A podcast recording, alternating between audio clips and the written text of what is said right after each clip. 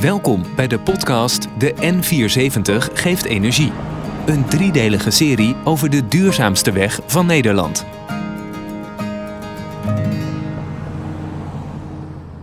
In het eerste deel van de podcast heb ik u verteld over alle voorbereidingen van de vernieuwing van de N470 en welke innovatieve processtappen daarbij gevolgd werden. In deel 2 vertel ik u meer over alle verbeteringen en innovaties. Want dat zijn twee verschillende dingen. Verbeteringen zijn nieuwe inzichten en standaarden die sinds de aanleg van de weg gemeengoed zijn geworden. Hiermee krijgt de weg eigenlijk een update naar het kwaliteitsniveau alsof hij nieuw zou zijn aangelegd. Innovaties zijn juist vindingen die nog geen gemeengoed zijn en die in deze weg worden uitgetest. Deze spitsen zich vooral toe op CO2-besparing en energietransitie. Ik loop allereerst de verschillende verbeteringen met u door. Te beginnen met de verbeteringen aan de doorstroming. De provincie Zuid-Holland wil de best bereikbare provincie van Nederland zijn. Een goede doorstroming van het verkeer is daarom zeer belangrijk. De afgelopen jaren is die doorstroming op de weg echter verslechterd, onder andere door de aanleg van nieuwe wijken in Delfgauw en Pijnakker-Nootdorp. Ook het doortrekken van de A4 naar Schiedam heeft invloed gehad op de drukte op de weg, evenals de aanleg van de Zijdeweg en de Komkommerweg in Pijnakker. De provincie heeft daarom bij de N470 een aantal maatregelen genomen om die doorstroming te verbeteren. Zo hebben alle rotondes dezelfde indeling gekregen.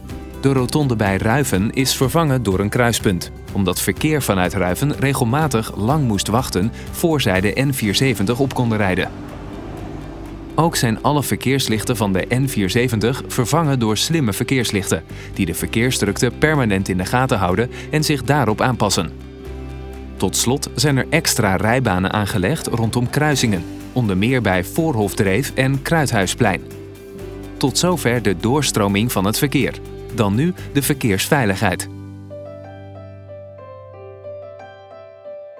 Het groot onderhoud aan de N470 bood de provincie een uitgelezen kans om de weg op het gebied van veiligheid te onderzoeken en te verbeteren.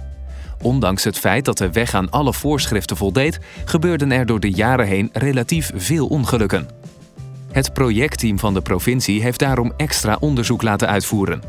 Hieruit bleek dat er sprake was van een optelsom van ongunstige elementen in de weg die het rijgedrag van automobilisten negatief beïnvloeden.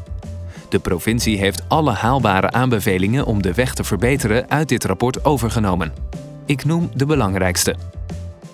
Alle rotondes van de N470 rondom Pijnakker-Nooddorp zijn aangepast zodat ze er voor de weggebruiker allemaal hetzelfde uitzien. Uit gedragskundig onderzoek bleek dat dit de verkeersveiligheid zou vergroten. Daarnaast zijn op verschillende plaatsen de bewegwijzeringsborden dichter op de rijbaan geplaatst en is het lichtplan rondom onverlichte tunnels volledig vernieuwd en sterk verbeterd. Naast de verbeteringen ten aanzien van de doorstroming en de verkeersveiligheid zijn er ook maatregelen genomen die de woonkwaliteit in de omgeving van de N470 verbeteren.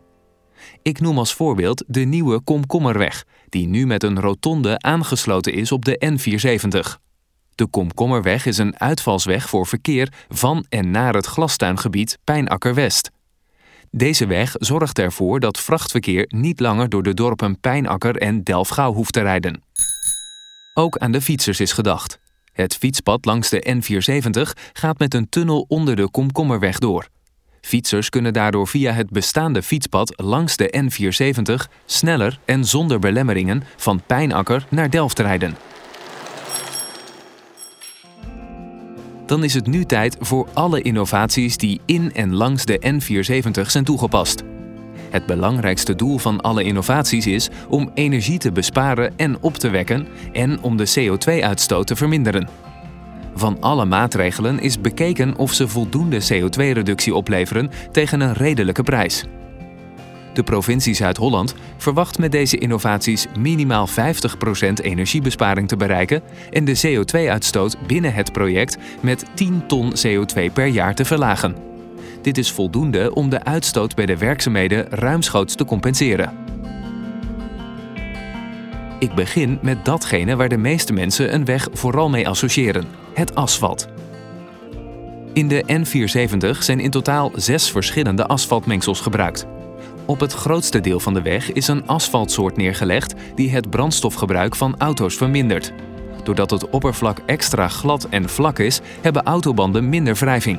De remweg blijft wel gelijk.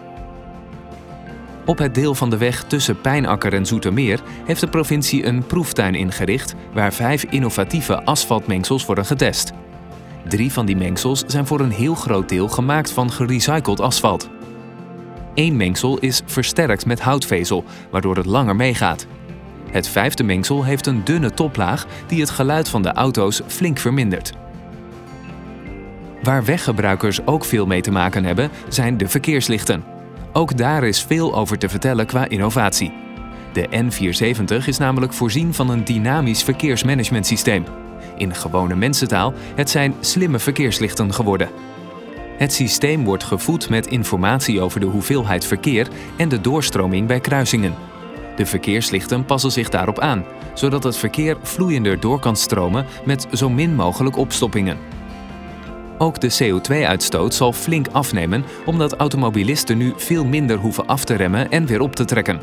Zeker voor vrachtwagens zal dat een aanmerkelijke CO2-reductie betekenen. En minder files zorgen ervoor dat weggebruikers eerder op hun bestemming aankomen.